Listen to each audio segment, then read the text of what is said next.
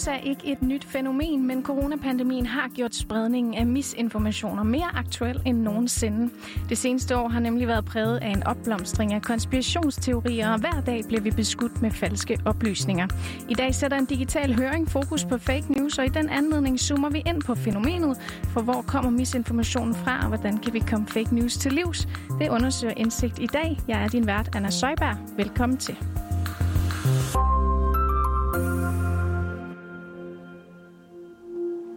We're not just fighting an epidemic, we're fighting an infodemic.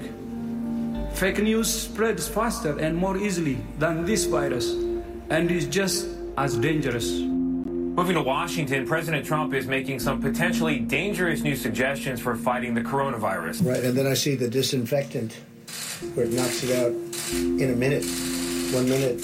And is there a way we can do something like that? Ja, fake news kan have enorme personlige, politiske og samfundsmæssige konsekvenser. For eksempel som i klippet her, når USA's præsident kommer med livsfarlige coronaråd om at sprøjte desinfektionsmiddel ind i kroppen. Og i dag skal en digital høring skabe en dybere forståelse af mekanismerne bag og omfanget af fake news. Og en af dem, der skal bidrage til det, det er Vincent Hendricks. Jeg hedder Vincent F. Hendricks. Jeg er professor i formel filosofi på Københavns Universitet, og så er jeg leder af Center for Information og Bobbens Studier samme sted. Siden, øh, siden 2013, der har World Economic Forum og senere hen er både FN og OECD stemt i og sagt, at misinformation på nettet nu skal anses som en global udfordring. Altså på lige linje med klima og migration og flygtninge og verdensomspændende sundhed og alt det andet. Ud fra betragtning om, at det kan være med til at grundstøde og ryste en, en, styre, en styreform, som vi sætter stor pris på, læs demokrati. Så ja, i vid udstrækning, der kan man sige, at fake news og misinformation er et demokratisk problem, fordi hvad skal vi bruge information til i demokratiet? Vi skal bruge information til at tage kvalificerede beslutninger om alt fra, hvilken kummefryser vi skal køre, købe næste gang, til hvor vi skal sætte krydset. Ja, som vi kan høre fra Vincent her, så kan fake news altså være ret ødelæggende for vores demokrati. Og hvis du har Instagram eller Facebook, så er du helt sikkert stødt på enten myter, misforståelser eller konspirationer om coronapandemien. Måske har du læst, at Bill Gates han står bag coronapandemien, eller at 5G-netværket er skyld i smittespredning. Og det er altså især på sociale medier, at du kan støde på de her misinformationer, for de er ikke underlagt de samme regler som for eksempel journalister. Og så er der også nogle virksomheder eller personer, der rent faktisk udnytter den opmærksomhed, de kan få fra dig som forbruger ved at formidle fake news. Det, som optager vores opmærksomhed, det er information. Men det betyder selvfølgelig også, at man kan spekulere i, hvilken slags information, som vi er villige til at bruge vores opmærksomhed på.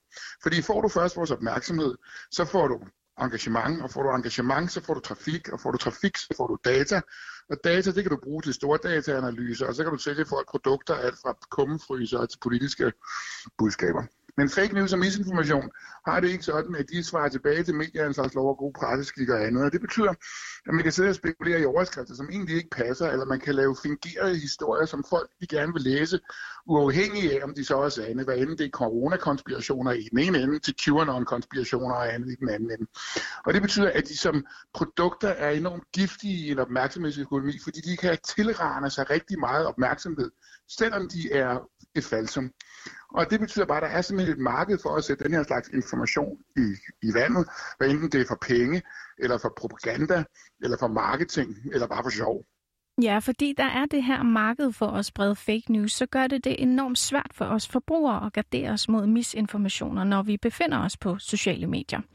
Men en, der gør en indsats for at komme fake news til livs på sociale medier, det er Stine Dahl. Hende kender du måske bedre som Jernmor, som hendes Instagram-profil hedder. Hun har en baggrund som jurist, hvor hun har arbejdet som advokat og anklager, og i dag er hun direktør for et influencer marketingbyrå. Og Stine bruger faktisk sin faglige baggrund til at gøre sine følgere klogere på, hvad der er fakta og hvad der er fake. Jeg forsøger jo lidt at, at mane lidt til besindighed. Altså min spidskompetence er jo sådan til at juraen. Og i relation til det, der har jeg jo nemt ved at tjekke op på, hvad der er rigtigt og forkert. Så hvis der for eksempel bliver spredt øh, oplysninger om, at øh, øh, der bliver indført øh, nogle lovgivning, der er, jo, der er blevet indført en masse lovgivning her under, øh, under pandemien, der prøver jeg, for, altså jeg forsøger i hvert fald at forklare sådan helt objektivt, altså jeg har ikke nogen holdning til det som sådan, men sådan helt objektivt, hvad lovgivning reelt betyder.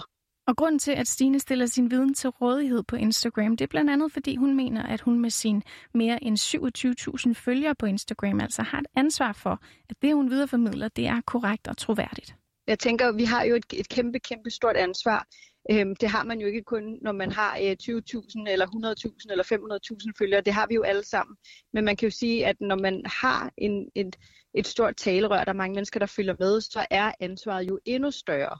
Netop fordi, at, at det er jo, altså nogle af de her store influenter, altså deres målgruppe, eller dem, de taler ud til, er jo ofte større end den gruppe, som tager imod nyheder på TV2. Altså det er jo rigtig, rigtig mange mennesker, som får de her ting kastet lige i ansigtet. Og hvis de begynder at læne sig op af ting, der er forkerte, så øh, ender vi jo et sted, hvor den her polarisering, man ser nu, med folk, der er enormt uenige, øh, og som bliver rigtig meget uvenner omkring nogle ting. Og det er jo helt fair, at man er kritisk, eller, eller man er kritisk i forhold til regeringen, eller sådan, at man øh, har et eller andet politisk ståsted. Det tager virkelig hatten af for. Men det der med fakta, bliver vi simpelthen nødt til at være enige i, hvad der er rigtigt og forkert. Og noget tyder altså på, at brugere på sociale medier de er ret begejstrede for at kunne besøge en profil som Stines, der byder på de her savlige indspark. Hvis man kigger på kommentarerne til Stines forskellige opslag, der sætter fokus på fake news, så er de i hvert fald meget positive. Og Stine selv fortæller også, at hun mærker et behov fra sine følgere til netop den slags opslag.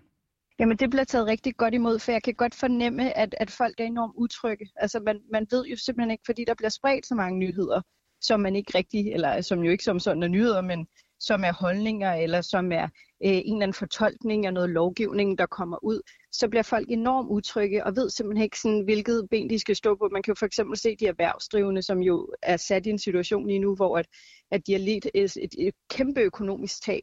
Og når de så yderligere får at vide, at der kan være potentielle sanktioner, nu er det jo bare lige et eller andet konkret eksempel på, der blev, der blev sendt noget, nogle øh, nyheder ud omkring, hvordan man skulle læse øh, den her lovgivning omkring coronapas, så hvis de så sidder i den anden ende, og så lige pludselig tror yderligere, at de får flere økonomiske sanktioner, selvom det slet ikke er rigtigt, så kan det jo skabe endnu større utryghed og endnu større polarisering.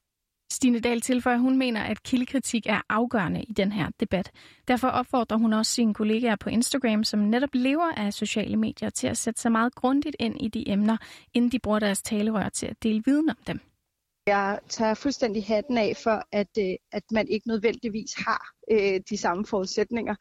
Øhm, men om ikke andet, så skal man måske gå til nogen, der har det. Altså vi har jo alle sammen et relativt stort netværk, så inden man begynder at dele ting, så forhold sig en lille smule kritisk. Bare brug 5 minutter på at undersøge det, 10 minutter, måske endda en halv time, hvis man har det, inden man kaster det ud til 200.000 mennesker. Ja, netop kildekritik, det er altså et nøgleord i den her debat, og betydningen af troværdige kilder i undervisning er også et punkt på dagsordenen under dagens digitale høring. Her kommer blandt andet danske gymnasieelevers sammenslutning med deres indspark. Og ifølge Vincent Hendricks så er kildekritik også en af de mest effektive måder at komme fake news til livs på, og det er også den mest oplagte metode, du selv kan bruge, hvis du vil undgå at tro på fake news. I første omgang til at slå sin kritiske fornuft til og sige, hvis det lyder for godt til at være sandt, så er det formentlig også. Når det så har jeg sagt, så må man begynde at tænke i, Nå, men den her historie her, som jeg synes finder interessant, øh, er den skrevet nogle andre steder? Er der brugt billedmateriale, som jeg for eksempel kender? Er det vigtigt, at jeg skal mene noget om den selv og prøve at videresende den osv.? Fordi hvis man videresender en sådan historie, så er man faktisk med til at hvidvaske den også. Og med den opfordring til at skrue op for den kildekritiske sand, så nåede vi faktisk til vejs ende i dagens indsigt. Udsendelsen var sat sammen med Julie Vestergaard og Henriette Kamp. Jeg var din vært. Mit navn er Anna Søjberg. Tak fordi du lyttede med.